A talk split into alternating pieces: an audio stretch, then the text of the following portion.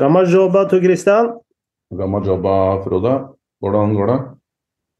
Eh, det går bra. Jeg har akkurat eh, kommet hjem fra en eh, ukes treningsleir på Marbella. Eller rettere sagt 15 minutter utenfor Marbella. Litt mer Altså ikke der eliteserielagene er, men et litt lavere nivå. Hvor jeg har vært med mitt kjære Christiania ballklubb. Ja, okay. Hør litt om det, da. Hvordan, eh, hvordan, var det, Hva slags opplevelse var det? Nei, altså dette, dette var noe vi planla i fjor sommer, eh, hvor alle gutta var på dugnad eh, under Norway Cup. Vi hadde sånne skolevakter hvor vi hadde tre skoler og fikk inn en del midler. Så vi dro på treningsleir på 100 dugnad, nær sagt. Og vi valgte å, å, ha treningsleiren vår eh, helt utenfor eh, disse byråene. Så vi booka, booka hotell selv, baner selv, og uh, troppa opp med leiebiler og, og en masse. Uh, det var jo litt sånn stress første gangen, men vi sparte jo utrolig masse penger på det. Eh, og eh,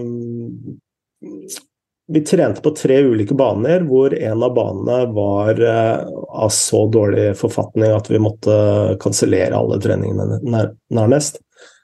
For kunstgressbanene i Spania er jo ikke i nærheten av samme kvalitet som her hjemme i Norge.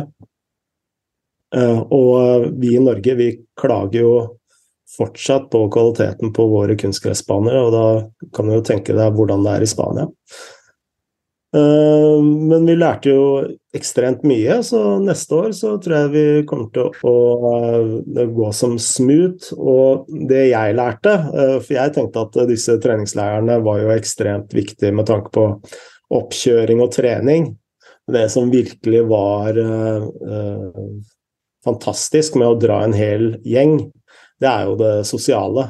Hvordan, eh, hvordan lagkamerater nærmest blir brødre over eh, natta og eh, skaper et helt annet bånd, da. Særlig for oss lagene som opererer nedover i divisjonene. Så det var kjempegøy. Men um, jeg har bare to, to ting jeg lurer på her. Hadde dere noen um, noen motstandere der? Fikk dere kommet komme til gjennom en slags uh, kampprogram med litt uh, testing og sånn, eller? Og i tilfelle, hvis ja, hvor um, hva kan vi forvente av Kristiania uh, ballklubb i 2023? Nei, det var dessverre ikke noen treningskamper. Uh,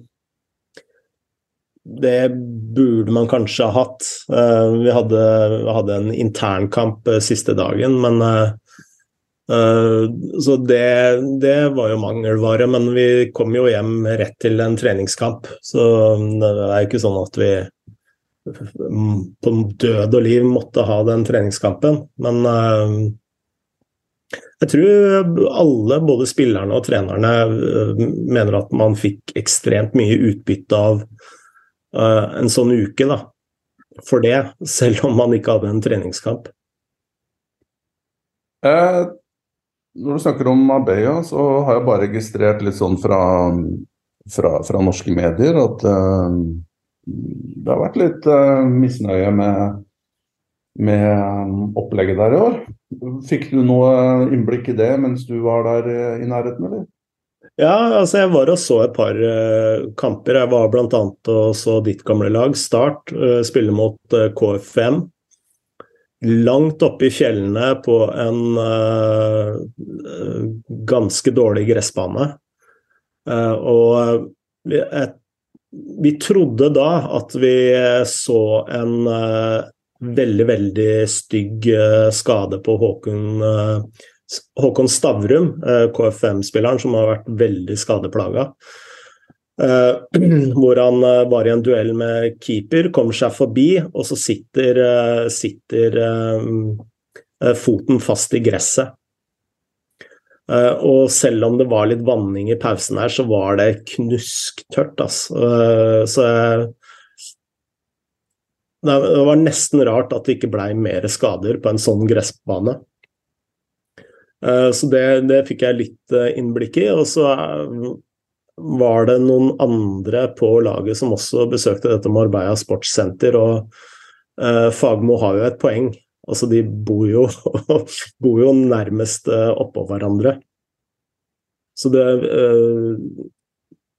hadde jeg vært trener for et av eliteserielagene, så hadde jeg også ønska litt mer Ikke ro, da, men kanskje litt mer skjerma overfor de andre lagene. Så ja. Ja, jeg, jeg har faktisk um, Selv om jeg har vært uh, for så vidt involvert i Eller ikke for så vidt, jeg har vært involvert i, i norsk fotball, men jeg har faktisk aldri Uh, sett min, den store nødvendigheten at jeg skal være med på disse treningsleirene, og stort sett vært opptatt med andre ting, Loppkjøringsturene. oppkjøringsturene. I den perioden her så har det vært uh, aktivitet med, med, andre ting. Så jeg har ikke, så egentlig bare fått innblikk fra tilbakemeldinger fra, fra de som har reist, og litt sånn i bookingfasen og planlegging og sånne ting. og jeg har jo inntrykk av at den Eh, man har, man har, vel den, det faste oppholdet da, som er i regi av, av, eh, av norsk eh, si, myndighetene. Og at det med ja, koordinert motstand og at det er på en måte bra opplegg. Da. Så jeg vet ikke. Nå, så får vel også klubbene subsidiert en del av kostnader, så vidt jeg husker. Eh, så det er jo klart at det gjør jo et opphold der eh, mer eh, interessant. Da, at, altså økonomisk at man kommer ut av det. At man har eh, Jeg husker jo også at man kunne velge mellom tre-fire hoteller som for meg, i hvert fall fra prospektene, så ut som ganske OK opplegg.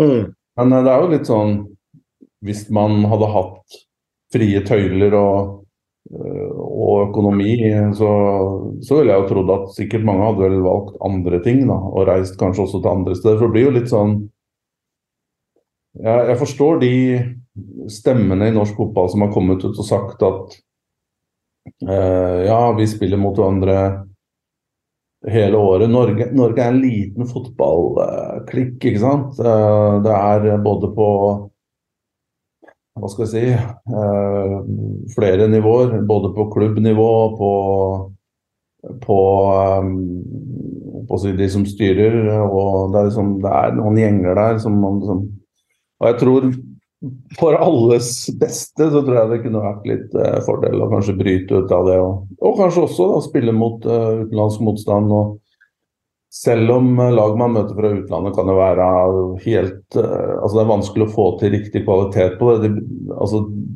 det mest, på en måte, det mest koordinerte oppkjøringene er jo på på, på, sommeren, hvor du kan reise til Alpene eller til Slovenia. Det er jo for så vidt også Alpene, men Eh, og, eller eh, Nederland eller Polen, eller at du får, får eh, Der er det veldig mange lag, da, og da får du god motstand og du får liksom, ordentlig opplegg. Mens i og med at det er i februar eller mars, og det er ingen garantier for at været er noe spesielt mye bedre i i, i, i Sør-Spania enn det er for så vidt lenger nord. Jeg tenker ikke på Norge, da, men det er jo fine fasiliteter også litt uh, si både i England og Nederland og Frankrike, om man så vil. Mm. Da ville kanskje brukt den tiden der Vært litt mer, litt mer kreativ da, og kanskje prøvd noe annet. og litt av tilbakemeldingene jeg har hørt, er også at folk bare sånn, Hvis man skal se bare på det sosiale og sånt, altså at man blir litt lei, at man reiser til samme sted hvert år. og mm. Det er liksom samme fjesene som man uh, møter i buffeen til, til, frokost hver eneste morgen. så det, hadde, kanskje, hadde kanskje, vært en fordel, men, men det viktigste er jo at fasilitetene er bra, og at været er bra, og at man kan jobbe på å forberede seg på en helt annen måte. Mm. Eh, enn det man kan i Norge. Men jeg har jo sett disse rapportene både fra um, sosiale og, og mainstream-medier at uh, det har jo blåst og regna, og det har ikke vært noe sånn spesielt koselig. Men det, men det kan jo ikke være gudene, kan man jo ikke helt uh, Kan man jo ikke alltid styre over. Men uh, du sitter jo der i vinterferien. Uh, jeg sjekka på appen min her før jeg Værappen før jeg gikk på lufta. som ja at det var ca. null i Norge. Jeg kan melde om 17 grader. jeg sitter i sola her på Sicilia, jeg har kommet meg dit. Sicilia, faktisk? Nå på Sicilia. Og det handler litt om av at jeg har hatt to ganske hektiske uker. Jeg har vært i Roma. Og hadde et ganske bra program der. Og så reiste jeg til Napoli for å mm, krafse til meg noe lærdom og inntrykk og oppfrisking av uh, gamle vennskap. Uh, det kan vi ta litt mer om kanskje en samle det hvis det er av interesse for lytterne. Da kan vi samle det opp i en annen, en annen episode og gå litt mer i detalj på det. Men, det. men, bare sånn fra overflaten så var det jo helt utrolig å være i Napoli en uke. Sånn som statusen er der nå. Det, det er helt, helt utrolig. Uh, Har de tatt seriegullet på, på, forskudd der nå, eller? Ikke Det er veldig få altså, av, av, de som på en måte er tilknytta klubben. Eh, de, de, Jeg snakker jo ikke med dem om det. Og jeg fikk heller ikke noe, jeg fikk heller ikke noe inntrykk av at Eh, i hvert fall de menneskene som jeg eh, var i kontakt med, da, eh, at de er jo fullt profesjonelle og konsentrerte seg om å bare fortsette den og ja, jobbe dag til dag. Mm. Men eh, blant folket så, så, er det klart at Men, men napolitanerne er veldig som folkeslag, om man skal kalle dem det. Og det er det jo for så vidt. Um, det er jo veldig sånn typisk uh, enestående. Um, enestående, jeg tenker ikke nødvendigvis som et superlativ, men ganske unik kultur, da. Som det har vært tidligere. Og de er jo sånn mennesker veldig overtroiske. Uh, og de altså Overtroisk gjør jo på en måte Hvis man har studert litt psykologi, så vet man at det er mange ting som påvirker uh, sinnet. Og det er litt sånn kanskje en forstyrrende faktor. Og det, og det og det er som disse emosjonene med overtroen og, og håp og alt det der gjør at dette blir en veldig sånn veldig fargerik og vibrant miks. Så det å vandre rundt i gatene der eh, jeg, jo, jeg, bodde jo relativt sentralt i byen. Eh, var ofte i gatene rundt for, for, de som er eh, lokalkjent i Napoli, så har du jo via Toledo som på en måte splitter sentrum. Gamlebyen og, um, og Quartiere Spanjoli, da, som er på en måte den hva skal vi si uh, hjertet av, av Napoli. Og, og, i disse gatene her så er det jo flagg som henger ut fra alle balkonger, og det er graffiti. Uh, jeg var jo en liten tur og kikka på Maradona, det er litt sånn uoffisielle museet som er der. Bilder mm. av Paratskelia overalt. Uh, alle snakker om fotball. Uh, og det er, det, er, det, er sånn. det, var, det, var, deilig å ta det litt på pulsen. da. Selv om jeg bare fikk, jeg fikk meg én kamp eh, mot Cremonese, og så reiste jo laget da for å spille mot Sassuolo.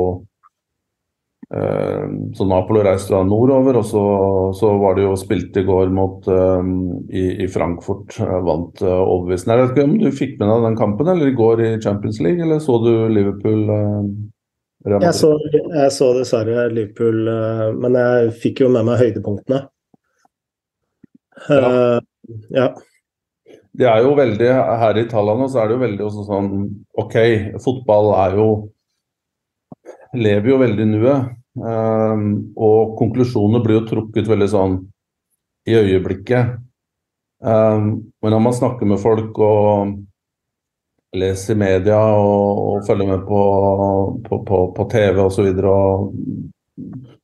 så er det jo Jeg tror det man er veldig stolt av nå med Napoli, er jo eh, det som blir sagt at Og det, som, det er jo også riktig at Napoli er eh, er et eh, på en måte Det er ikke siden eh, Man trekker paralleller til dette eh, Milan-laget sent på 80-tallet, tidlig 90-tall, som var så dominerende under Saki spesielt, da. Ja. Og etterpå, med og gjerne den perioden med disse tre, tre nederlenderne, van Basten, Rijkaard og Gullit, for yngre lyttere.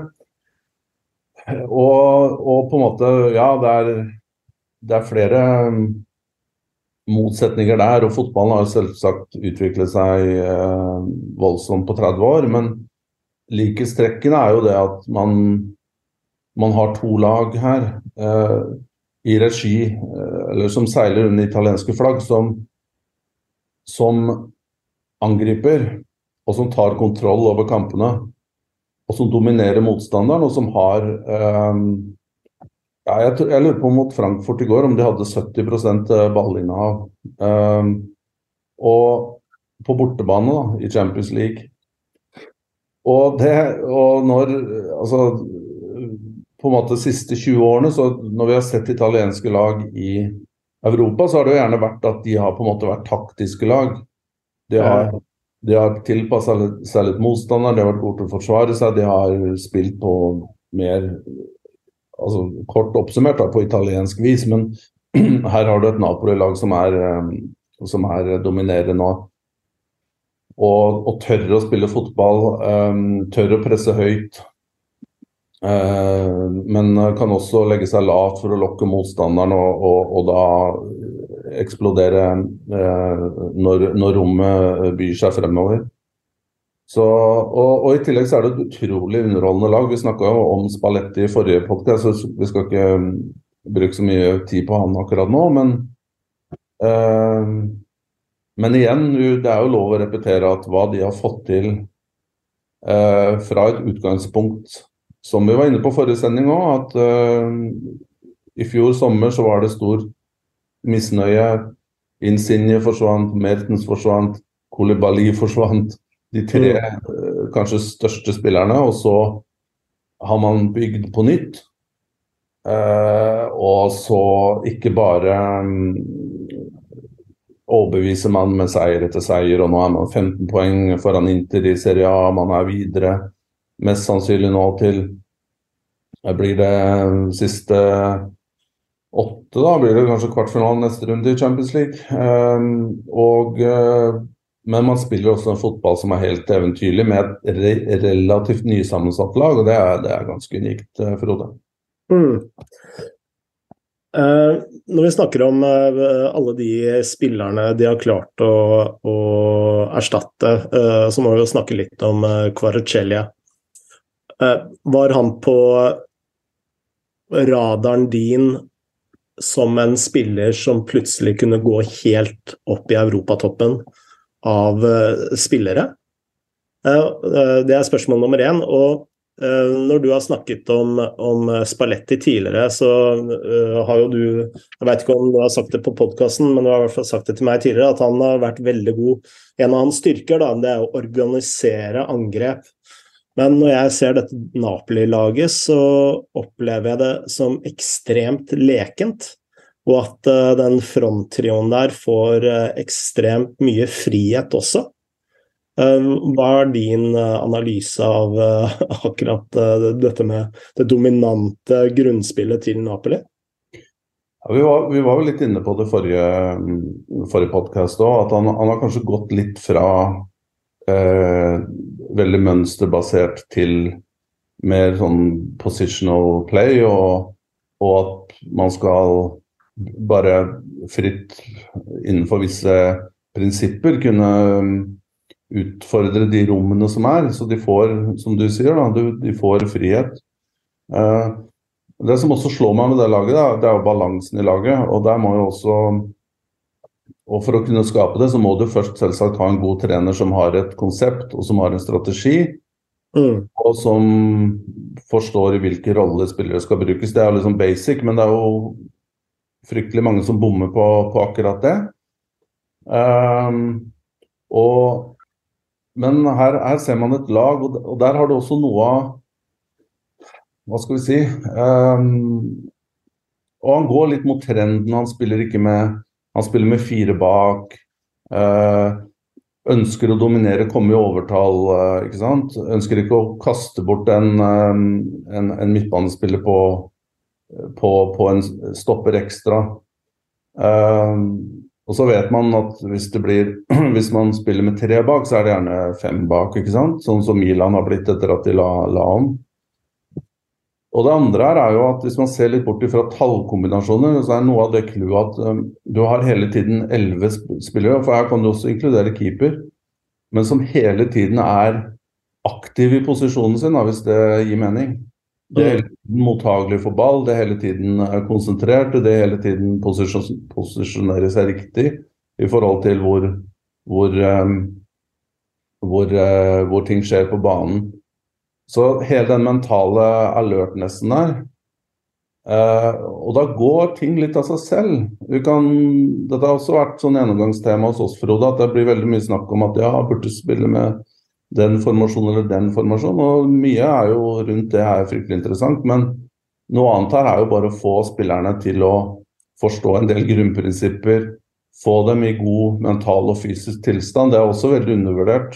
Uh, her tror jeg også Spalletti er veldig dyktig. Jeg ble, ble jo godt kjent med de fysiske eh, preparatori, som han kaller det, som han eh, har med seg, alltid hatt med seg, eh, da vi var i Zenit. Og de slo meg innenfor min begrensa kunnskap på området som fryktelig dyktige.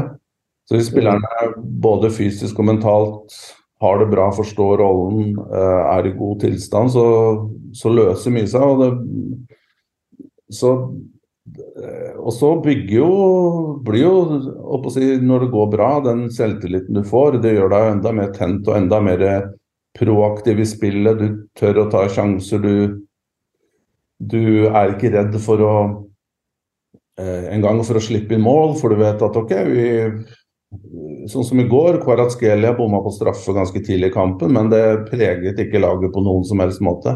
De visste at vi, hvis vi fortsetter vi spiller som vi vet vi kan, så så vinner vi den kampen her. Mm. Og, og, eh, og, dette klokkeverket bare, bare, tikker og går videre.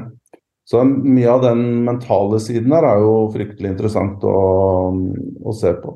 Når det gjelder eh, Kvaraskelia, så, så var han Det som er interessant med han, at han ble jo til en viss grad. Jeg, jeg, jeg, har jo vært mye i Georgia eh, siste året og kommer til å nok å fortsette å reise litt dit. Um, så jeg har jo gravd litt i historien hans. Og det som er litt interessant, er jo at han ble jo eh, ikke ansett som Han ble ikke satsa på da, eh, i Dynamo Tbilisi.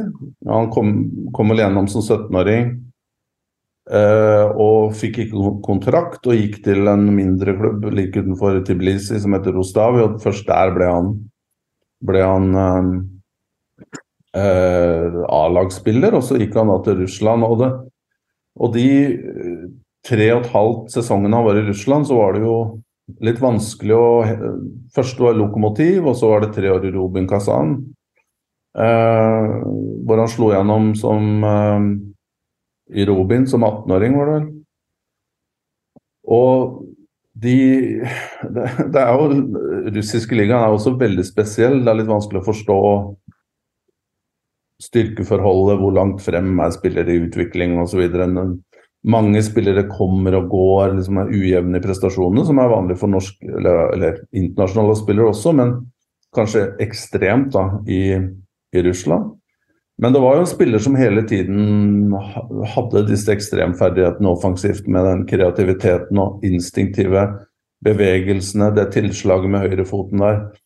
Flikkende Flikken og klikken og god, god, relasjonelt på siste tredjedel. Og det har jo vært der hele tiden. Ja. Og det er jo mange i etterkant, både sånne scouts, spesielt Italia, av en eller annen grunn, så hadde de øye med han. Litt pga. at det har vært en del georgere som har tipsa. Jeg tror Kaka Kaladze, som for øvrig nå er borgermester i, i Tbilisi. Eh, jeg tror han tipsa Milan om, om, eh, om Kvara tidlig. Jeg tror Fiorentina var tidlig på det, litt pga. de har jo gode nettverk i, i, i Øst-Europa.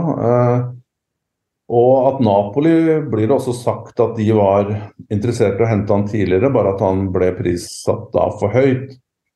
Og så kom jo denne invasjonen av Ukraina for et år siden, og da ble han tilgjengelig. Så jeg er litt usikker på akkurat den dealen som skjedde der, for han gikk jo fra Robin eh, til Dinamo Batumi eh, like etter invasjonen.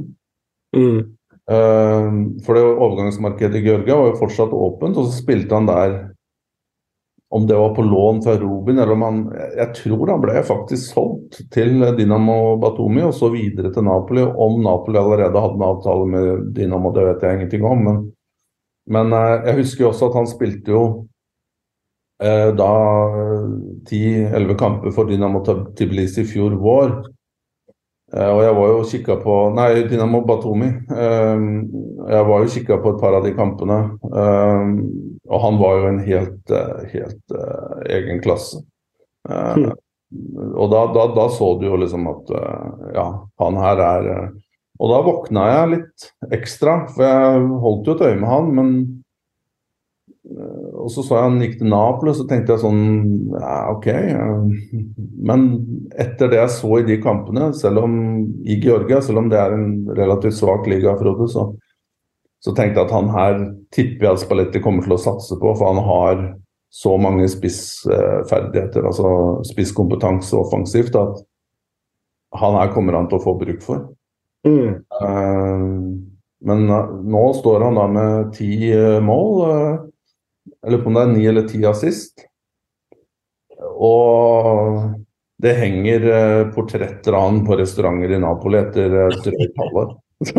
Så dette er jo en helt utrolig historie. Ja, altså Det er det som er liksom altså Det er så mye mørke skyver over den eh, moderne fotballen. da. Men øh, Og det som er så nydelig med denne historien, det er jo at du finner liksom øh, en spiller som øh, jeg vil ikke si avskrevet, men er, han var iallfall på veldig få radarer eh, for eh, kun et par år siden, og nå er han en av de største stjernene. Nærmest fra intet til, til toppen, på en måte. Og det er jo en vanvittig fin historie. og det er men samtidig så må jo Spalletti ha gjort noe med både denne spilleren. fordi når du, altså Det er en rekke sånne type historier i dagens Napoli. Hvis du tar eh, Viktor Osimen f.eks. Altså når han spilte i Wolfsburg, jeg tror han hadde si 15 kamper, da, og han skåra null mål. Uh, og nå, tre år etterpå, så har han vel uh, gått over 40 mål for, uh, for Napoli. Ja, hans, som du sier, hans historie er jo også ekstremt. Eh, selv om han på en måte kom Han hadde jo den um, sesongen i Lill der hvor han var vel med å vinne liga. Um, og, og, og, da så du allerede at han, han var noe stort. Uh, mm.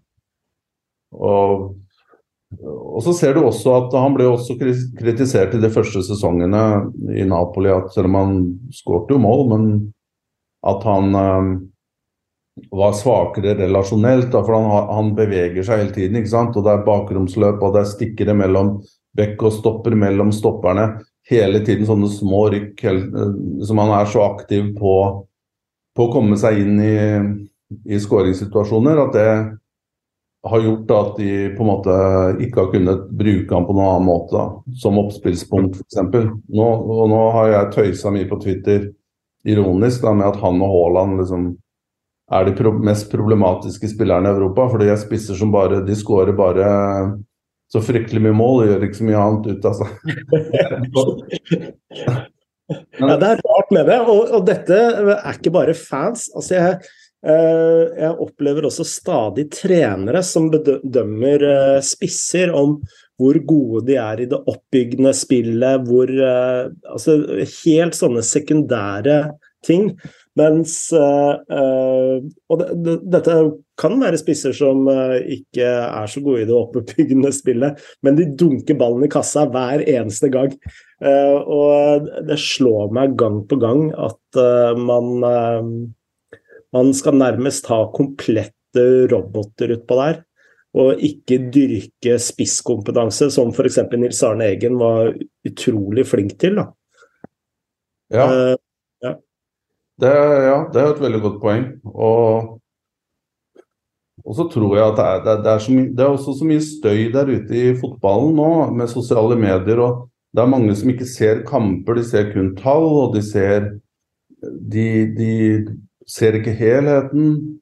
Eh, og så leser man Man lager store konklusjoner basert på veldig liten sample size, og man baserer konklusjoner La oss si Haaland og Guardiola, da. Ok, um, forstår at han det, Alle forstår at Manchester City rent uh, på en måte kon, spillkonsept uh, ville ha vært bedre tjent med en falsk nier. Det, er, det, det tror jeg er ganske åpenbart. Uh, men det, det, det, lykkes ikke. Liksom. De, har ikke de har ikke vunnet Champions League med falsk nier og ubegrensa budsjett heller. De har ikke vunnet Premier League hvert år uh, med, med, med, de forutsetningene. Nå, det, nå, har de bestemt å gjøre noe annet, uh, og så får man også gi det bitte litt tid. Mm. Det er ikke liksom Etter 30 kamper så skal man si at Haaland er City har blitt dårligere pga. Haaland. Ok, Det er mange andre faktorer her. Det er Bekkene har ikke fungert. Cancelo ble sendt til uh, Bayern München. Han var jo en del liksom, av den innover Beck-konseptet til Guardiola som funka bra i fjor. Både Bernardo Silva og De Bruyne har ikke vært i tipp topp tilstand. Dette er også spillere som har bidratt til, til å skape denne offensive flowen og den lekende fotballen der Støling er borte, som var en del av det, med alle disse løpene bak bak en dyp uh, forsvarssekser noen ganger, kommer seg ned, slår cutbacks. Han er ikke der. Så det er, det, er, liksom, det er, det er en del andre ting, man, noen runder man også bør ta med i disse analysene, enn bare å se på, på Haaland her. Uh, så jeg, jeg syns det blir så og så kaster den ene og den andre seg på dette her. For det er journalister som sitter og, eller fans som sitter og studerer noen tall. og så som ikke har verken skin in the game. og Jeg sier ikke at nødvendigvis alle kan ikke ha det, men man må forholde seg til litt andre ting når man er eh, med på å bygge, bygge noe aktivt. Mm. Men bare siste, ja. det siste om Kvaraskelia eh, før vi mm, runder av Napoli. For nå er vi jo nesten ble jo samme episoden som eh, to uker siden. Dette, Men det, det, det, som var litt utslagsgivende for meg, det var at um, jeg skulle skrive en sak for, for ISBN, da, denne ukentlige spalten min. og Da skulle jeg velge ut ti spillere som jeg trodde kom til å bli utslagsgivende i Champions League uh, den sesongen her. Nye, nye spillere, da. Mm. For, for, på en måte Altså ikke, ikke de obvious. Uh, og da tenkte jeg sånn, skal jeg ta med Kvaraskelia? Dette var vel i august, eller så Og så tenkte jeg blir det litt sånn bias fordi jeg er mye Georgia og jeg har det forholdet her, holder på med Chivads eh, podkast, og er det, er det saklig? Så, så tok jeg en prat med Jeg ringte da og jeg treffer ofte på han i, i, i Tbilisi, Sora Kishinashvili, som er tidligere midtstopperen. Eh, han er jo assistent til, eh, til Willy Sanjol, som er landslagstrener for, for uh, Georgia. Og så spurte jeg Sorab uh, du, um, kan, kan, jeg ta med Kvisha her i, i den gangen? Så sa han ta han, ta han med. For jeg sa kom, tror du han kommer til å gå rett inn på Napoli, eller tror du han kommer til å dominere? Så sa Sorab ja, Ta han med. Han, han, en dag så kan han spille for Real Madrid. Det er jeg 100 sikker på. Og så kan du begrunne det. Eh, så sa han ja, bortsett fra det du allerede har sett, for vi hadde jo snakka om Kvaraskelia tidligere, så sa han han har en mentalitet som er helt enorm. Han er ydmyk, han jobber knallhardt, han lytter, han lærer. Og selv om han har hatt stor framgang og hadde den enorme eh, halvsesongen eller kvartsesongen der i Dynamo Batumi, hvor de hadde avskjedskamp med fulle tribuner i Batumi for Kvaraskelia, det var stor liksom, på landslaget, han hadde avgjort kamper der, han var en stor helt. Null påvirkning mentalt. Eh, overgangen til Napoli var klar. De reiste på spilte Nations League med Georgia. Han var helt liksom Du kunne ikke se en forandring i det hele tatt. Og han sa han, han jobber hardt, han lytter, han er modell, og det er ikke Sånne spillere har du ikke elleve av på noen lag, men kanskje Georgia så er jo noen av grunnen til at georgere ikke nødvendigvis lykkes hele tiden i utlandet, har, det har ingenting med tekniske eller fysiske forutsetninger å gjøre. Det har de jo mer enn nok av, men, eller taktiske. Men det er kanskje mentaliteten, litt hjemlengsel, og at de Noen av dem har kanskje blitt latt uh, Ja, de tror kanskje da at når de går til utlandet, så blir de Så har, har de gjort jobben, og nå, nå kan jeg liksom bare gire ned, da. Men han, mm. han, han, eh, Som sagt er en helt eh, også utrolig profesjonell og seriøs uh, atlet. Nå ble det en god halvtime med Napoli og Karaskela likevel, Frode. Ja, og dessverre så har jeg to spørsmål. Kanskje ikke så relatert til Napoli, men du nevnte dette med det medisinske apparatet til Spalletti. Og at uh, dette med den medisinske delen kan være en uh, vinnerfaktor for, uh, for lag. og jeg snakka Eller jeg var i dialog med en spiller som hadde overhørt hadde gjort det, det ekstremt dårlig på noen fysiske tester. Og uh, det overraska meg veldig, for dette er en spiller som uh, i utgangspunktet er uh, veldig, veldig godt trent. og så kommer det fram da, at vedkommende spiller hadde da dagen før test. og jeg er litt usikker på om han visste om at det skulle være test dagen etter. hadde da hatt en ganske tung, tung økt i styrkerommet med litt knebøy og, og markløft og det som er her og gjorde det ekstremt dårlig på denne testen.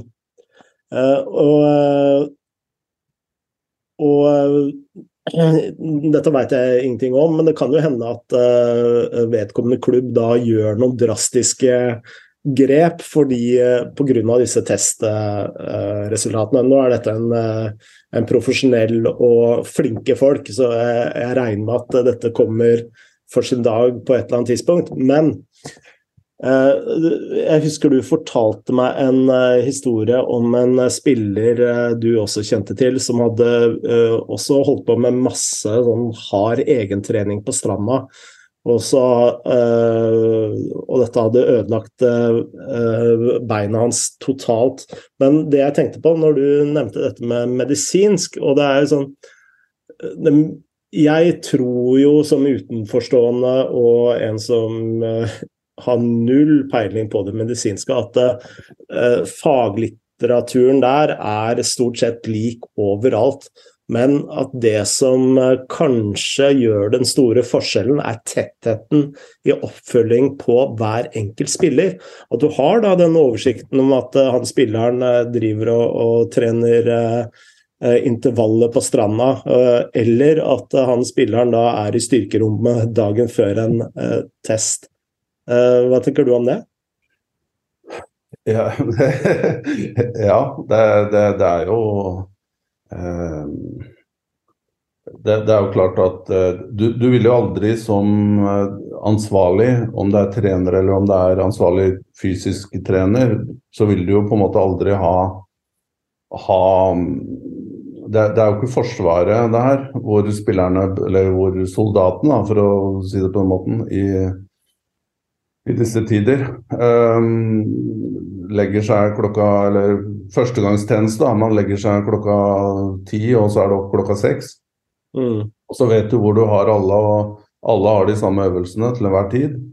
Uh, det er jo ikke sånn, så det, til enhver tid så vil det alltid være noen som er mer egenrådig og mer eh, mer andre tanker. Jeg har også sett fra Det var en sånn greie på sosiale medier eh, som jeg kommenterte. Det var vel eh, gode Chivadze lytteren fra nord, Martin Skau, som eh, posta Han er Chelsea-mann, som, eh, som posta en eh, i hvert fall en, Om det ikke var en link, men i hvert fall nevnte at Modric hadde vært ganske aktiv i, i styrkerommet etter overgangen til Chelsea. Mm. Og da og var veldig keen på å legge ut det her, ikke sant? For å vise sikkert supporteren og, eh, og media at uh, jeg er skikkelig committed og jeg skal uh, stå på her. Jeg sitter ikke på Nobu eller um, Novikov og, og, og, og spiser kaviar. Og så skrev jeg tilbake der at det, det, de postene blir det nok fort slutt på. men, men, sånn er liksom fans, eh, og det er liksom 100 eh, 000 retweets og fantastisk attitude, og dette er bra, ikke sant. For det er jo det dopaminet du da får av tilbakemeldingen, er jo Det, det koker jo eh, i kroppen. Men jeg tipper jo Chelsea sin ansvarlig ansvarlige her, eller Graham Potter ville tatt et ord da med Modric og Rema, at det har blitt gjort at du personlig én, eh, sånt må du ikke legge ut. To, eh, personlig trener skal ikke bort i kroppen din. Her må du følge det løpet som vi har. Og her, her eh, felles, og som er regissert av den ansvarlige klubben. Og så er det jo selvsagt også spillere som det har jeg også opplevd som er mer skeptiske til det opplegget som den ansvarlige klubben legger. Eh, fordi Sånn er det jo med alt. ikke sant? Hvis vi går på, vi går på helsestudio, vi går på SATS, eller vi, vi Hvor som helst, egentlig, så har jo folk meninger om hva som er god trening, hva som er riktig trening. Noen mener du skal løpe maraton hver dag, og andre mener du skal drive med litt yoga. Så det kan jo ikke være sånn når du, når du da når du da signerer for en klubb av størrelse, stor størrelse, nå snakker jeg ikke bare om Mudrik, men eh, så må du jo følge det løpet som klubben legger. og Her er jo også mye, mye av clouet at man har et koordinert opplegg. Man har en strategi på hvordan spillere skal, skal bygges fysisk for å tilpasse den spillestilen vil du ha eksplosive spillere, vil du ha spillere med lange kan, med, med, god kondisjon som kan uh, komme på liksom, Gå på 25 tunge løp i løpet av en omgang. Liksom. Uh, fysikken, hvordan den skal bygges opp, sånn at ikke du får for mye muskulatur og blir lite fleksibel og agile. Det kan ikke jeg, som med deg, Frode. Jeg har null. Eh, altså, min kunnskap rundt det er de små eh, innblikkene jeg har fått hos dyktige folk som har klart å forklare til meg hvorfor de gjør det, og hvordan det henger sammen med opplegget til, til, eh, til hovedtrener. Eh, og Derfor så er du også avhengig av spillere som lytter til den personen som er ansvarlig i klubben. Og at personen også har gjennomslags evne og overbevisningsevne. Hvis ikke, hvis folk driver fritt regime og holder på med aktiviteter som de som de øh, bare ønsker å drive med selv, for å bygge, bygge en strand kropp, så er jo ikke det gunstig. Det, fotball er jo en egen idrett og har sine egne eh, metoder der. Jeg lurer på om vi skal snakke litt norsk eh, fotball, ja. Eh, med tanke på Marbella. Bare si at eh, jeg var og så Betis Valladolid. Og det var i hvert fall ikke noe mangel på løpskraft i La Liga. For det, det var en pingpongkamp. Men vi har fått et spørsmål fra Per Tore Salte, og han lurer på jeg lurer på hva dere tenker om forskjellen som begynner å utpeke seg mellom Obos og Eliteserien, med tanke på TV-midler, profiler og generelt nivå. Har det noen gang vært større forskjell? Hilsen Bryne-supporter og podkasten Store stå. Ja, jeg syns du skal Nå har jeg prata så mye, Frode, at her syns jeg du skal ta, ta kontrollen. Nei, altså det er jo et retorisk eh, spørsmål, så eh, svaret på om det har noensinne vært et, en større forskjell Jeg skjønner eh, spørsmålet. Og hvis vi begynner med pengene, da, som slår inn i år, så kan vi jo ta en liten gjennomgang om hvordan disse pengene fordeles, og hvor hvor uh, stor økning det egentlig har vært. Uh, og fra da 2022, da ble det fordelt 313 millioner kroner, mens i 2023 så vokser potten til 577 millioner kroner. Og det er en økning på 84% så det er jo nesten en dobling av penger som skal uh, Uh, som skal da uh, fordeles. Og, og, denne potten da, den deles da i fire deler. Og uh, noe skal til akademiklassifisering, 90 millioner skal dit. En kommersiell pott på 30 millioner blir da barbert bort. Og etter det så går da 29 millioner først til Obos og 150 millioner til uh, uh, tabellplasseringene de seks siste uh, Nei, 121 millioner tilfaller da eliteserielagene og 29 millioner da til Obos, fordelt etter prosentvis etter tabellplassering de neste eller de siste seks sesongene.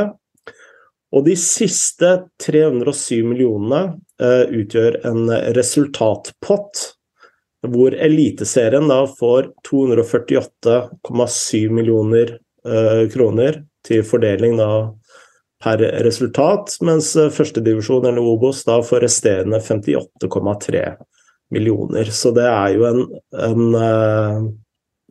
en stor forskjell på å spille Eliteserien og Obos-ligaen. Og jeg begynner å se en um, Eller vi har snakka om tidligere da, om når norsk fotball gjorde det veldig bra på Uefa-rankingen. Da var det sånn at spillere kom fra liksom de nest beste og tredje beste ligaene i Europa Eh, til Norge. Og så har det vært en stor, eh, stor, eh, eller lang periode hvor det har vært motsatt. At det har vært veldig få utenlandske spillere som har kommet til Eliteserien. Men nå begynner du å se det motsatt. Altså, Haugesund har nå signert en spiss fra, fra, Mali som kommer fra Romania. Vålerenga henter en brasilianer osv. osv. Og, og svaret på spørsmålet det er jo klart det at uh, med en så stor forskjell, og en økende forskjell mellom økonomien til eliteserielagene og Obos-lagene, så gjør jo det spranget uh, fra Obos til Eliteserien ekstremt mye vanskeligere. Og så er det én ting til, og det er jo Dette blir jo også veldig sånn forsterkende i de europeiske turneringene, som skaper både direkte og indirekte over hele ligaen en enda større inntektsboost. og Jeg tenker da spesielt da på Molde og, og eh, Bodø-Glimt, som eh, også kjøper da spillere fra andre norske klubber til eh, gode penger. Og det er stort sett eliteserielag de kjøper disse spillerne, fra som igjen gjør denne forskjellen mye, mye større. Og, eh, og det, den siste tingen, det er jo også eh, med tanke på rekrutteringen. Du ser også nedover på junior og helt ned i guttenivå, så blir, blir disse store eliteserielagene veldig dominante. At de røsker med, med seg det meste av hva som kan krype og gå av uh, talenter til både gutte- og juniorlag. Så det, det, det, er jo i ferd med å bli en veldig sånn maktkonsentrasjon rundt eh, de største klubbene. Og da kan man jo også tenke Og det åpenbare er jo at eh, Tanken er jo at eh, dette ikke er helt heldig uh, for norsk fotball, men hvis du snur litt på det og, og prøver et an annet tankespill Vi har jo snakka mye om, om innskrenkingen av eliteserie, Eliteserien, slik at disse midlene fordeles på færre lag. Men dette gjør jo også norsk fotball mer konkurransedyktig ute i, i Europa. Så, så, det er jo eh, den positive siden av en sånn, eh, sånn skjevfordeling av pengene. Ja, nei, jeg lytter med interesse til um, resonnementene dine. Og um,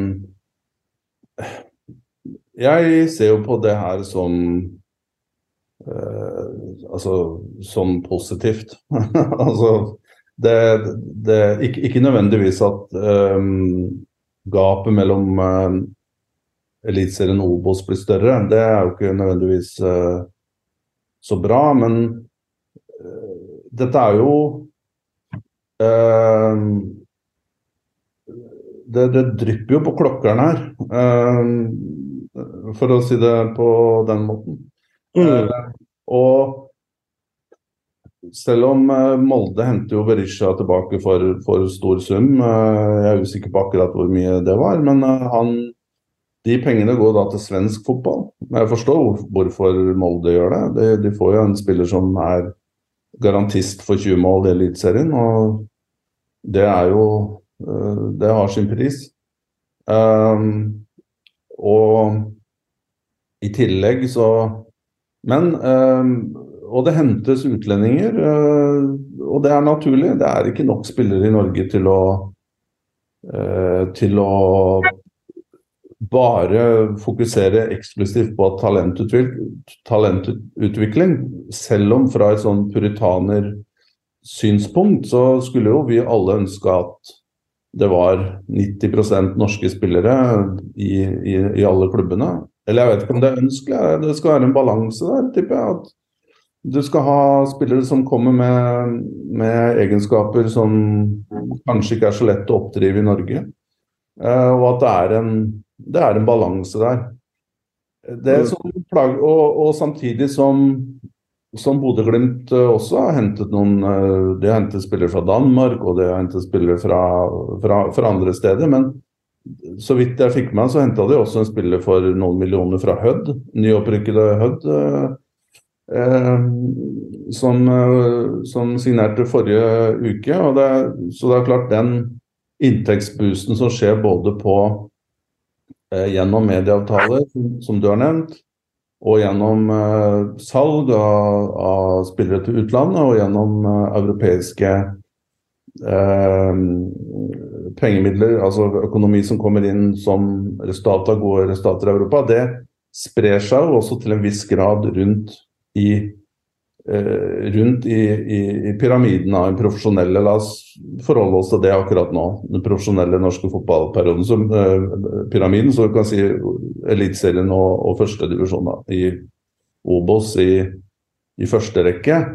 Mm. Og jeg, jeg tenker jo at jeg syns det blir litt sånn defeatist.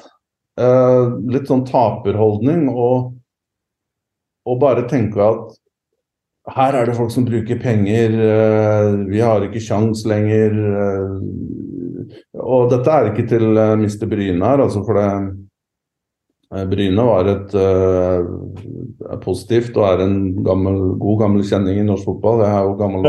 Det har jo tross alt uh, fostra Norges beste fotballspiller kanskje gjennom tidene.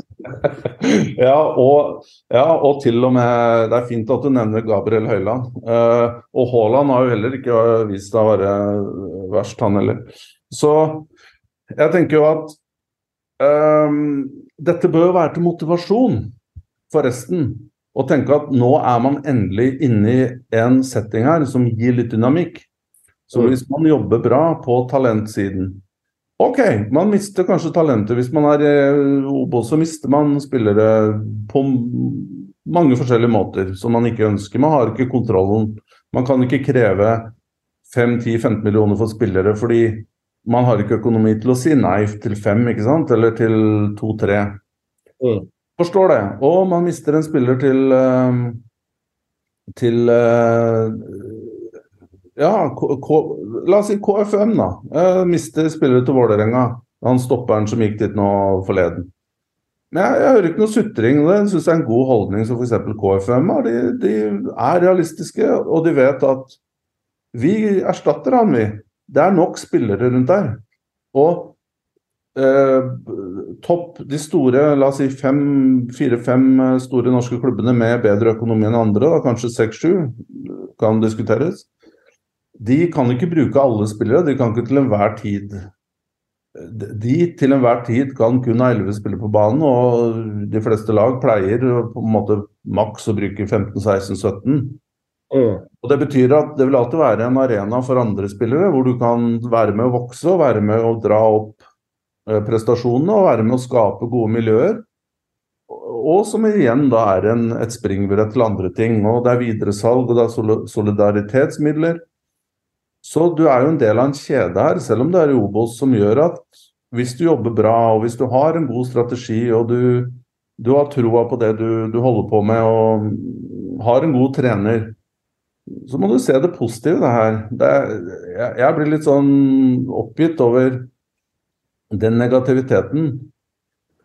Og nå er det litt sånn Å, er det en ny Klondyke gullalder på vei inn i norsk fotball for det, fordi nå er medieavtalen blitt så mye større.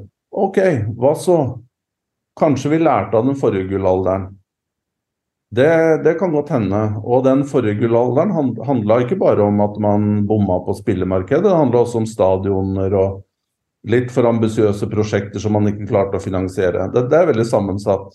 Vi trenger ikke å gå opp i den løypa der akkurat nå. Eh, men man kan jo ikke bli proteksjonist eller på en måte ha en sånn Hva skal jeg kalle det? Sånn, um, skape et Nord-Korea ut av norsk fotball. sånn at alle andre ligaer rundt om i Europa skal vokse. De skal ha bedre økonomi, de skal, eh, de skal selge spillere mellom seg. De skal tilby bedre lønn, som gjør at de er attraktive og har bedre tiltrekningskraft på bedre spillere. Mens Norge skal liksom bare være eh, vil man ha det tilbake til amatørnivå? Vil man ha det liksom bare en, en, en cap, sånn at spillerne bare tjener 600 maks 1000 i året? Er det, er det, det man ønsker? Det? Jeg forstår ikke helt den tankegangen der. Vi er, Når alt kommer til alt, så er jo fotballen et kapitalistisk system, og det skal vi tilbake til her. Ja. Det er litt senere. Og Norge er ikke Det er ikke sånn at det kommer slemme nå, nå man, man, har til og med et system i Norge som gjør at investorer ikke kan kontrollere 100, 100 av klubbene eller ta altfor stor styring. Og så er det forskjellige hybridvarianter som gjør at kanskje det man kompromitterer litt på de områdene. Men det tror jeg også handler litt om at klubber prøver å skaffe Lage modeller som gjør at de er litt mer attraktive for, for innflaks av kapital. Det mm. er som alle andre businesser.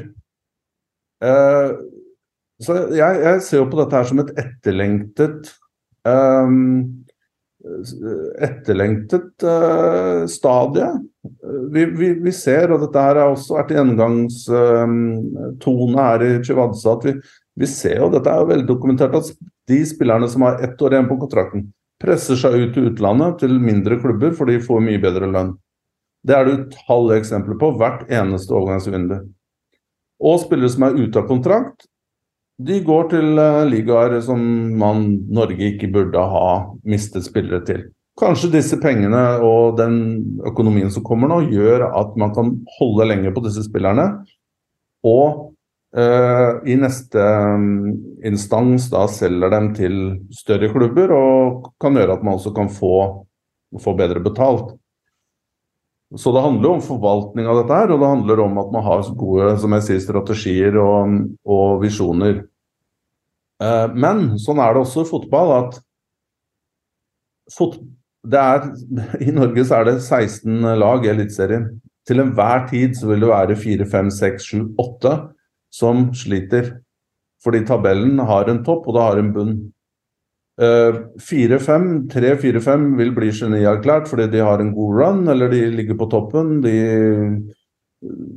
de gjør alt riktig, og så blir det liksom Oi, det laget der på bunn, tredje sist, fjerde sist, signerer dårlige spillere, de har Sånn er en del av fotballen, og vi kommer helt sikkert til å se tilbake som vi gjorde på 2000-tallet. At, at, og Stabæk var fryktelig dyktig, selv om det kanskje ikke til slutt gikk så bra pga. Telenor Arena og, og, alt det kan jo folk lese seg opp på. Men de, den økonomien som ga Stabæk i hvert fall litt dytt i ryggen, da, med gode TV-avtaler, gjorde at de kunne hente Christian Wilhelmsson og Pontus Farnerud og Alansinho og og osv. videre Store, øh, fantastiske fotballspillere. Mm. Og jeg tenker at vi kommer om uh, fire-fem år, kanskje om ti år, så kommer vi kanskje til å se tilbake til den perioden her som at ja, det kom, det kom ikke bare gode spillere til Eliteserien. Men dette her, sånn er det i absolutt alle land. Mm. Eller Premier League som har alle pengene i verden. Uh, og det er jo selvsagt proporsjonelt. konkurransen er mye større så vil man se at tre lag rykker ned hvert år. og De vil ha brukt for mye penger, og de vil ha signert dårlige spillere. og det liksom det, det, Dette her er eh, Dette er en sirkel man ikke kan bryte ut av i et system som er basert på opprykk og nedrykk. altså, det vil alltid være problematikk rundt det der. Men jeg tror vi kan enes om at uh, selv om eh, resten av verden er i et uh, såkalt bear market, så er norsk fotball på full vei inn i et bull market. Og jeg, tenk, jeg husker jeg tenkte når TV 2 mista Premier League, og da var det jo naturlig at de gikk all in på, på norsk fotball igjen. Og det må jo være en av det beste som kunne ha skjedd norsk fotball. At TV 2 mista Premier League og nå satser fullt ut på, på, uh, på Eliteserien og Obos, og uh, med A-media også i ryggen. Og det kan nok når, vi spiller inn Shivatse om tre-fire år, så tror jeg vi kanskje må sende en stor takk til TV 2 for, for alle pengene de har putta inn i norsk fotball. Og som sist gang norsk fotball, eller Eliteserien, var i en såkalt bullrun. Uh, de lagde jo ekstremt mye nyheter, og de hadde full trøkk på, på Eliteserien, som kommer tilbake. Som igjen skaper andre inntekter. ikke sant? Flere folk på, på, på stadion, mer, mer sponsorinntekter osv. Ja, og det er jo helt riktig. Og den synligheten her Jeg, jeg synes ikke det er jeg blir trist av å se eh, en sak, eh, om det er på TV 2 eller om det er på VG, eh, etter eh, Vålerenga-Rosenborg, og så må jeg scrolle ned eh, et godt stykke for å se et eller annet innhold om den kampen. Mm. Jeg ønsker å se den på toppen, og jeg ønsker å se Og sånn var det før. Og vi som husker midten av, av, av 2000-tallet Jeg fulgte jo eh, Jeg fulgte jo spesielt med av uh, litt familieårsaker og fordi det er en gøyal klubb i tillegg. Jeg fulgte jo for så vidt også med Fredrikstad, da. Uh, jeg, har vært, altså jeg har vært helt avhengig av, og dette tipset fikk jeg av tidligere Dagbladet-journalist Lars Dybwad nå er sånn såkalt oddsekspert, han eh, tipsa om lokalavisene. Og nå får du et sånt fellesabonnement for alle lokalavisene, så nå leser jeg Nordlys, Nidaros og uh, over en lav sko. Ja, og det jeg skulle fram til her, det er at det Ja, lokalavisene har vært utrolig dyktige til å fronte den lokale fotballen. Og det kan jeg også si til i den perioden jeg var i Start, selv om det var på både de, de, Nei, men de gangene vi rykka opp og den gangen vi rykka ned, så de var jo fryktelig på. De hadde folk på stadion hver dag, og de var uh, proffe, vil jeg si. Um, og uh, de gjorde en god jobb, og de fronta klubben på en, på en, på en god måte. Ok, Selv om kanskje du er uenig i dekningen og det blir mye fokus på det negative noen ganger, men det er jo subjektivt uh, fra, en, fra, en, ansatt uh, eller en, en, en, som jobber i klubben hans side. Du vil aldri være 100% fornøyd. Det er jo ikke en fanscene. Uh, men det jeg skulle fram til, er at jeg husker på den, den tiden der midten av 2000-tallet så, så, trengte du ikke å gå til Nordlys eller Federlandsvennen eller Fredrikstad Blad eller til Bergen har jo vært helt enestående på det der. BT og BA. Um, det som skjer rundt Brann, selv når det går dårlig, de er fryktelig, fryktelig eh, dyktige. Og, og, det er jo store regionsaviser i tillegg. Og, og det samme vil jeg også si her, Sunnmørsposten og, og Trondheim. og det.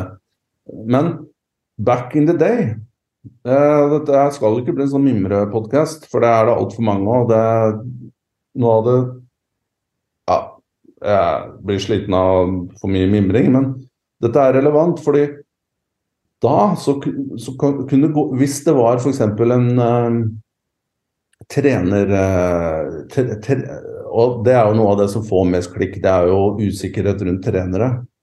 Uh, og negativitet, eller på en måte neg triste nyheter, skaper jo større overskrifter enn en positive. Sånn er det jo med hvordan våre eh, algoritmer oppi hodet fungerer, så gir det mer Jeg vet ikke, kanskje mennesker er mer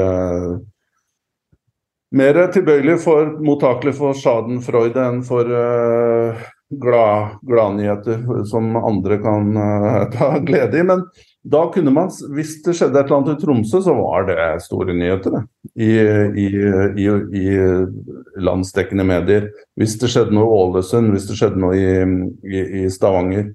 Eh, eller Kristiansand, eller Fredrikstad for den saks skyld, som er en mindre by på Hval, 120 000 eller noe sånt. Men det, det svingte, og det var profiler og Profiler handler jo ikke bare om Du sier jo du må skape dine egne profiler, er enig i det, men eh, det gjelder jo også andre veien. At interessen skaper profiler. Altså at det faktum at det er eh, at, at, at det får dekning, og at man er inne i en, i en sfære som har dynamikk, og som, hvor ting skjer, og det er overraskende resultater, og det er det er jo sånn fotball skal være. Og Derfor syns jeg at jeg, i mine øyne, de siste ti årene uh, i norsk fotball, så har det vært liksom en depresjon. Og selv, la oss si du som bor like ved ja, på, ikke så langt unna Vålerenga, altså det, det, er jo sjelden du ser Vålerenga i media, på en måte. Og før, dette her var jo den store klubben det virkelig svingte rundt i, i, i norsk fotball. Mm. Eh, og det håper jeg at Jeg mener, for min del, og som du også var inne på, Frode, at med at TV 2 nå satser eh, fullt ut på dette produktet her, så håper jeg også at det, det får en helt annen standing i, i nyhetene, og at vi, vi, vi kommer litt tilbake til 2000-tallet. På godt, selvsagt, men det vil også føre med seg vondt. Det er, det, det, sånn kommer det til å bli, og det kan vi bare si fra her og nå. Sånn er det med alt. Alt, Alle 16 klubbene i Eliteserien nå kommer ikke til å lykkes med dette her. Men i fotball så må man prøve. Og man må, må satse, og man må eh, forsøke å vinne kamper. Og man må forsøke å skape ha, liksom, man må forsøke å pushe dette produktet her. Og det gjør du ikke med å være musestille og bare være negativ og være på defensiven. Og det fører til Men hvis du ikke tør, så kommer du heller aldri til å, til å få til noe. Det er jo ganske opplagt. Kan jeg spørre deg, Er det noen eh, spesielle lag du er litt sånn ekstra spent på å se i år i Eliteserien? Uh, jeg, I min uh, utlendinghet så har jeg jo ikke vært så på pulsen som jeg kanskje tidligere har vært. Jeg har ikke fått med meg disse oppkjøringskampene. Jeg følger jo med på uh, i media. Uh, jeg ser ikke store omveltningene, sånn rent Den tabellen som Men, men så, sånn er det jo hvert år, at vi bygger jo våre tips på fjoråret og Mm. Justerer vi litt etter at det har kommet noen spillere hit og dit. og uh, Mer har vi jo ikke å gå på, noen av oss. Uh, og så skjer jo ting hele tiden i løpet av sesongen. Så, så ser vi alle dumme ut i, i, i, begynnelsen av desember. Det er jo en årlig um, syklus, det òg. Jeg vet ikke om det er noe du ser frem til? Ja, nå tenkte jeg ikke sånn nødvendigvis eh, på, eh, på liksom eh, tabellplassering, da, men jeg er jo veldig spent på godset under Jørgen Isnes. De har jo Altså, de har jo sett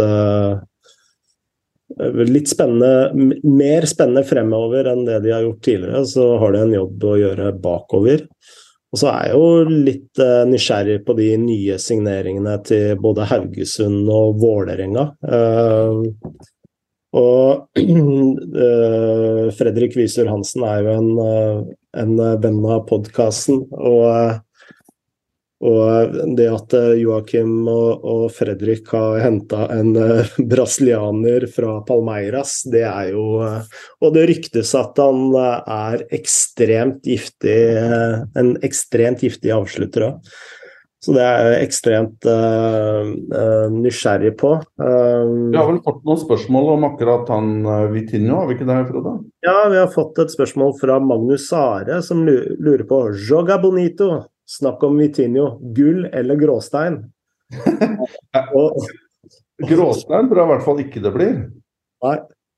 Eh, og så er det vel noe imellom der på disse holdt på å si, periodiske system eh, der, Eller hos gullsmeden så er det vel noen andre metaller imellom der. Men jeg, jeg, jeg kan ikke si så mye om spilleren, bortsett fra at jeg, jeg kikka bitte litt. Um, og, og syns han ser spennende ut, må jeg innrømme. Uh, god, god, fysikk, uh, god størrelse.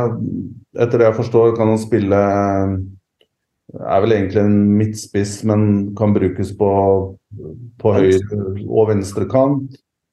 Har godt tilslag med begge bein. Uh, og er giftig. Uh, og er vel ikke sånn å ha, å ha bra mm, God ballfører, godt driv med ballen. Um, jeg kan jo si mer om det på en måte rundt det, fordi vi har også etterlyst uh, Og det blir jo litt sånn forlengelse av den samtalen vi, vi uh, har nettopp uh, fullført. Eller ikke fullført, for det, det, blir en forlengelse, så det blir jo feil å si. Men Eh, det, det, det, jeg bare så det var en på Twitter som på en måte sa liksom, ja, nå kommer det brasilianere til norsk fotball igjen. Er det liksom uh, Er det et tegn på at Er det et dårlig tegn at nå, nå er det Har man uh, liksom mista det? Og nå gaper man for høyt. Det trenger egentlig ikke jeg å si så mye mer om enn å referere til den forrige delen av, av samtalen. at det og opplagt nok så er det ikke noe sånn eh, negativt tegn at en brasilianer kommer til, eh, til, norsk fotball. Brasilianere er det rundt om i ca. 150 forskjellige land som spiller fotball og er profiler. Ja. og i tillegg eh, en av verdens største land med kanskje flest eh, aktive fotballspillere i hele verden. Jeg så en oversikt over uruguayske fotballspillere som spilte utenfor Uruguay, og det var 143. Ja, det er nok mye høyere enn det, faktisk. Uh, men uh, det, det, må være land, ikke spillere. Ja, ja, land. Ja, i 143 forskjellige land. Ja, nettopp. Så Brasil er vel sikkert borti 200, kanskje selv i Marshall Island så vil de sikkert finne brasilianere. Men OK, det er jo Det er vel ikke en god Det er vel ikke det heller debattanten skulle uh, Det var ikke hans eller hennes saklige poeng, da, men det er jo eh, Jeg tror poenget her da, det er jo at eh, i Norge, så, til de prisnivåene som i dag eksisterer i Norge, av de grunner vi har vært inne på. Det er, og det er inflasjonsøkende. Eh, selvsagt at inntektene blir større for alle. og at uh, større summer kommer inn gjennom overganger, uh, inntekter fra, fra utlandet. Uh, eksport, da, kall det det. Og at, og, at, Molde og Bodø-Glimt i hovedsak rasker inn penger fra Europa. Så er jo klart at det skaper det man kan kalle inflasjon, og da gjør jo det at det norske interne markedet blir dyrere, og det er etter mitt syn bra. For det betyr at man, lønningene vil gå opp, og, eh, og, og flere større summer vil fordele seg rundt om i, i fotballøkonomien i Norge. Og da må man se, eh, selvsagt eh, Alt handler her om å få best mulig kvalitet, høyest mulig potensial til best mulig pris. Sånn er det med, med alle ting. Du kjøper ikke Derfor reiser folk til uh, Nordby og handler uh, kyllingfileter fordi det koster 29,90 kiloen og ikke 149 kroner kiloen i Norge. Selv om kvaliteten kanskje er litt dårligere på det man får i, i, i, i Sverige, da. Men, så, men uh, poenget mitt er at i Norge så det ser man jo at kvalitativt så finner man ikke spillere til en til en uh, pris som gjør at det er uh, realistisk å hente dem. Og de beste spillerne vil uansett til enhver tid gå til utlandet. Det kommer heller ikke til å forandre seg. Og da syns jeg jo at det er greit å være litt mer kreativ òg, enn, uh, enn, å bare se på spillere som på en måte flyter rundt i systemet i Europa. Det kommer en hollender uten kontrakt hit. Det kommer en svenske som har vært i Belgia dit. Det kommer en islending som ikke lykkes et annet sted dit. fordi og så er det spillere som på en måte har litt ruskete CV og ikke har lykkes så bra, og så blir det ikke noe særlig ut av det. Eh, men pengene må man jo betale uansett. Derfor syns jeg det er veldig spennende at Vålerenga prøver noe litt nytt her. At eh, man ser på et nytt marked. Man har sendt eh, mennesker dit for å se spillerne live. Man har gjort en grundig sjekk. Det betyr ikke at han kommer til å lykke, nødvendigvis lykkes å skåre 12-14 mål for Vålerenga i 2023. Men det gjorde heller ikke Fofana i Molde første året. Um, og OK, han her er et par eldre, han blir vel 20 nå om en måneds tid. Men Eh, man har Prosessene er det riktig, og det er jo det viktigste her. og eh, Etter det jeg forstår, så er det også en spiller som Han kommer fra Palmeiras, det er regjerende mester i, i Brasil. De har eh, At han nødvendigvis ikke blir satsa på i Palmeiras, det betyr jo ingenting, for de har jo vanvittig utvalg av spillere. Det blir som å si at du er i Barcelona og ikke får bli satsa på der. Sånn relativt sett, da. Midtbanespiller, liksom? ja, nettopp.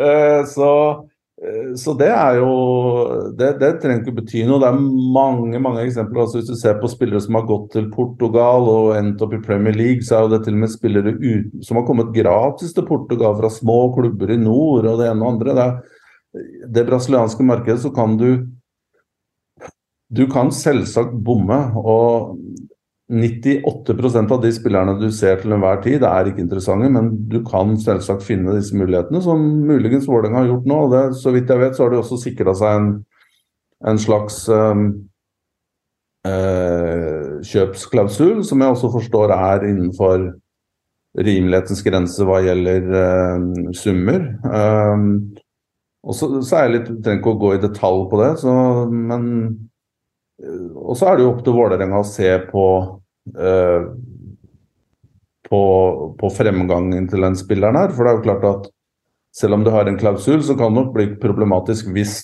denne spilleren viser seg å være ekstremt god, og i løpet av vårsesongen så har han tatt av helt.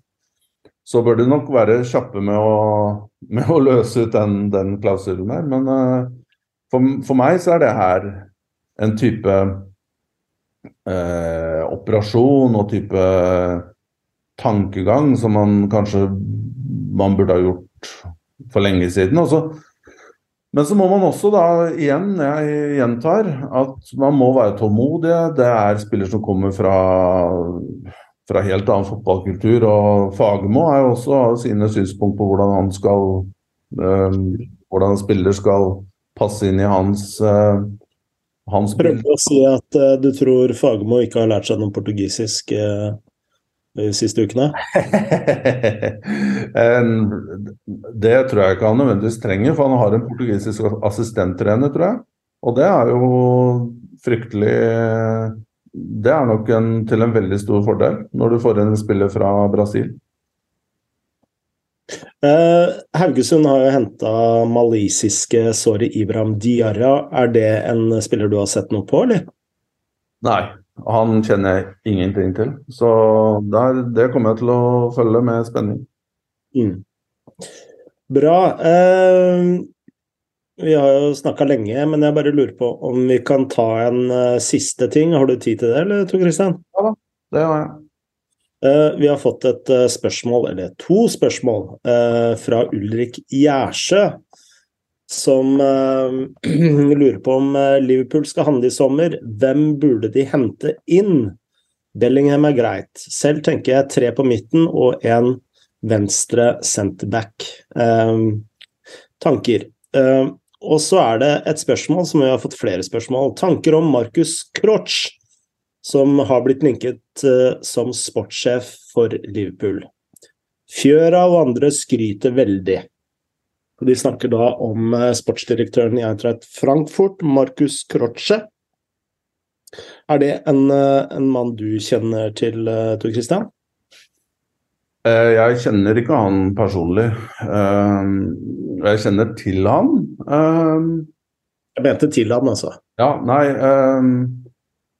Men det, det er Jeg, jeg, jeg synes det her blir litt sånn blir å gå litt fort fram, fordi um, Og det, det, bærer litt sånn preg av en tankegang om at her skal man hente inn en person, og så skal vedkommende komme og løse, løse alt.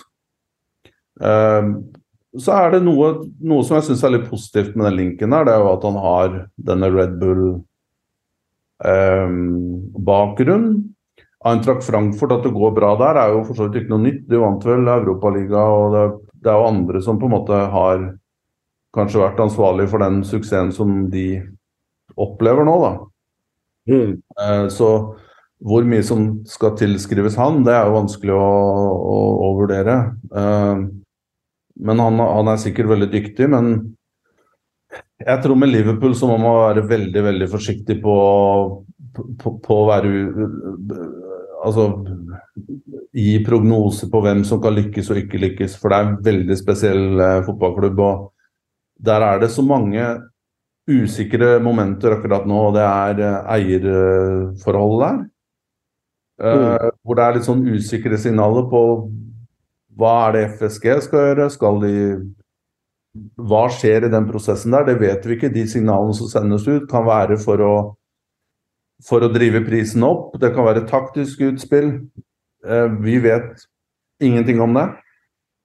Eh, men det som er klart, det er at eh, det virker usannsynlig at Liverpool kommer til å bli en Kommer til å dominere overgangsmarkedet i den sommeren som kommer nå. og De, de, de må gjennom en en slags uh, transition her. Den har jo for så vidt startet til en viss, uh, til en viss grad. Og så har du situasjonen rundt Klopp. Hva gjør du med det? Uh, og det hjelper ikke å hente en sportsdirektør som er uh, For all respekt og det han har gjort i en ganske relativt kort karriere, så, og at han eventuelt har vært god til å finne spillere i, i systemer som er veldig satte. Det kan man si både om om eh, RB-systemet og Frankfurt, hvor man har veldig klare prinsipper på hvordan man skal spille, og man har hatt trenere som har vært der i lengre tid, som har klart å bygge, bygge kollektiver som er, som, som er samkjørte.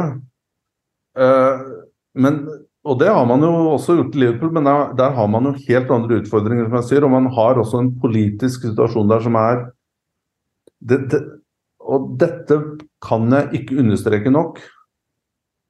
Fordi det er så veldig populært sånn på Jeg, jeg, jeg så en eller annen sak på her er seks trenere som kan ta over etter Klopp. Det er så, sånne saker. Det er klikkvinnere, og det er morsomt å lese. Men Og så ser du navn som uh, Du ser Roberto de Serbi, f.eks. Og for all del, utrolig dyktig trener. Kanskje en av de mest eh, fascinerende trenerne per i dag hva gjelder det taktiske og hvordan laget ser ut på banen. Det å sette igjen en håndskrift på laget, altså sette ut konsepter ut, ut i kamp. Hvordan han jobber på treningsfeltet, enormt.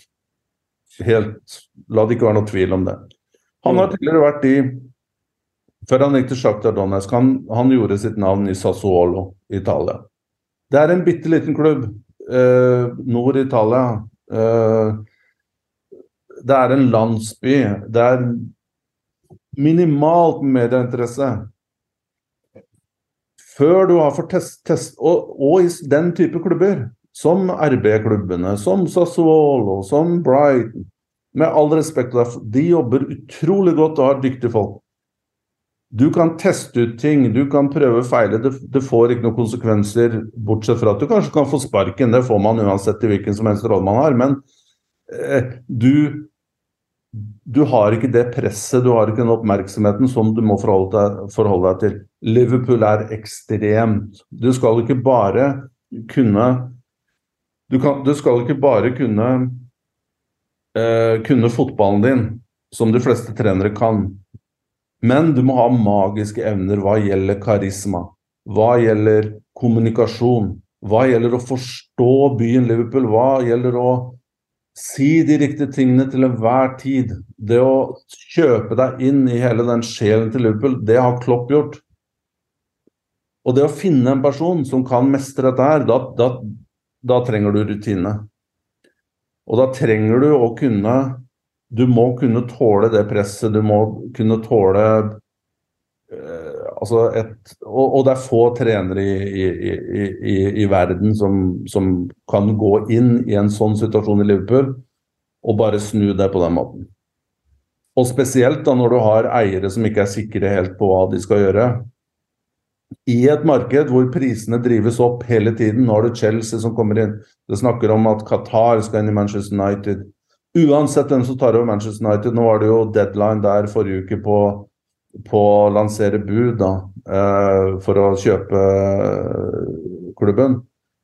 De kommer til å satse videre. Manchester United trenger ikke å bry seg om FFP.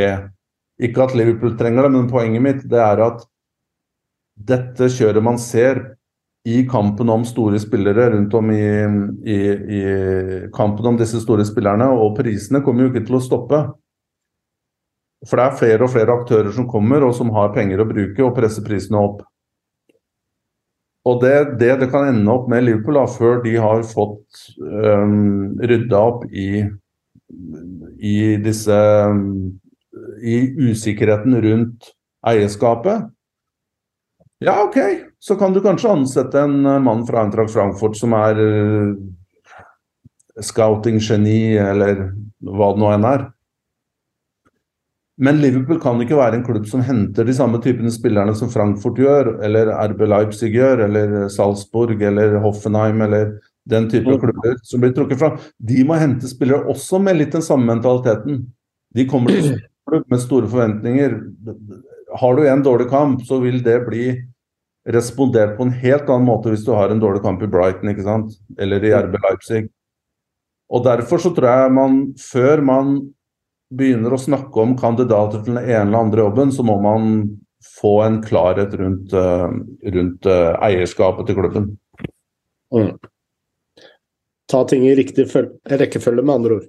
Ja, og så tror jeg Bell Jeg tror også, kan godt hende jeg bommer, men da ut fra min logikk så ser ikke jeg at Bellingham går til Liverpool i sommer. Det Altså, det, det, Hvorfor, og med all respekt, jeg der forstår det tiltrekningskraften Liverpool har, i form av å være en av de mest legendariske fotballklubbene i, verdens, uh, i verden. Men i den situasjonen de er nå, hvor det er så mye usikkerhet, så kan ikke jeg forestille meg at en, av, en spiller som også har Manchester City, Manchester United, Chelsea, Real Madrid etter seg, at han går til Liverpool. Mm. Det Med all respekt også for Liverpool-supportere, det, det, er ikke sånn det fungerer. Jeg lurer på om det blir uh, våre siste ord i dag, jeg tror Christian. Uh, vi har uh, fortsatt mye å snakke om. vi har Manchester United og en eventuelt ny eier. Vi har Altså, vi, vi, har eh, masse på tapeten. Eh, vi har Barcelona og, og overføringer til en eh, dommersjef. Vi har Graham Potter. Det er masse. Fredrik Aursnes må vi jo få tid til å snakke om, som har fått en ny offensiv rolle i Benfica, men tiden strekker ikke helt til. Vi er jo glad i å prate. Vi kan jo kanskje, hvis det, det klaffer, så kan vi jo kanskje få lansert en liten Patron-episode i løpet av de kommende dagene. Um, lover ingenting, men uh, hvem vet. Kanskje vi, vi, får til det. Absolutt. Og da sier vi som vi alltid sier her i Shivatse, gamma joba, og ha en fortsatt fin uke.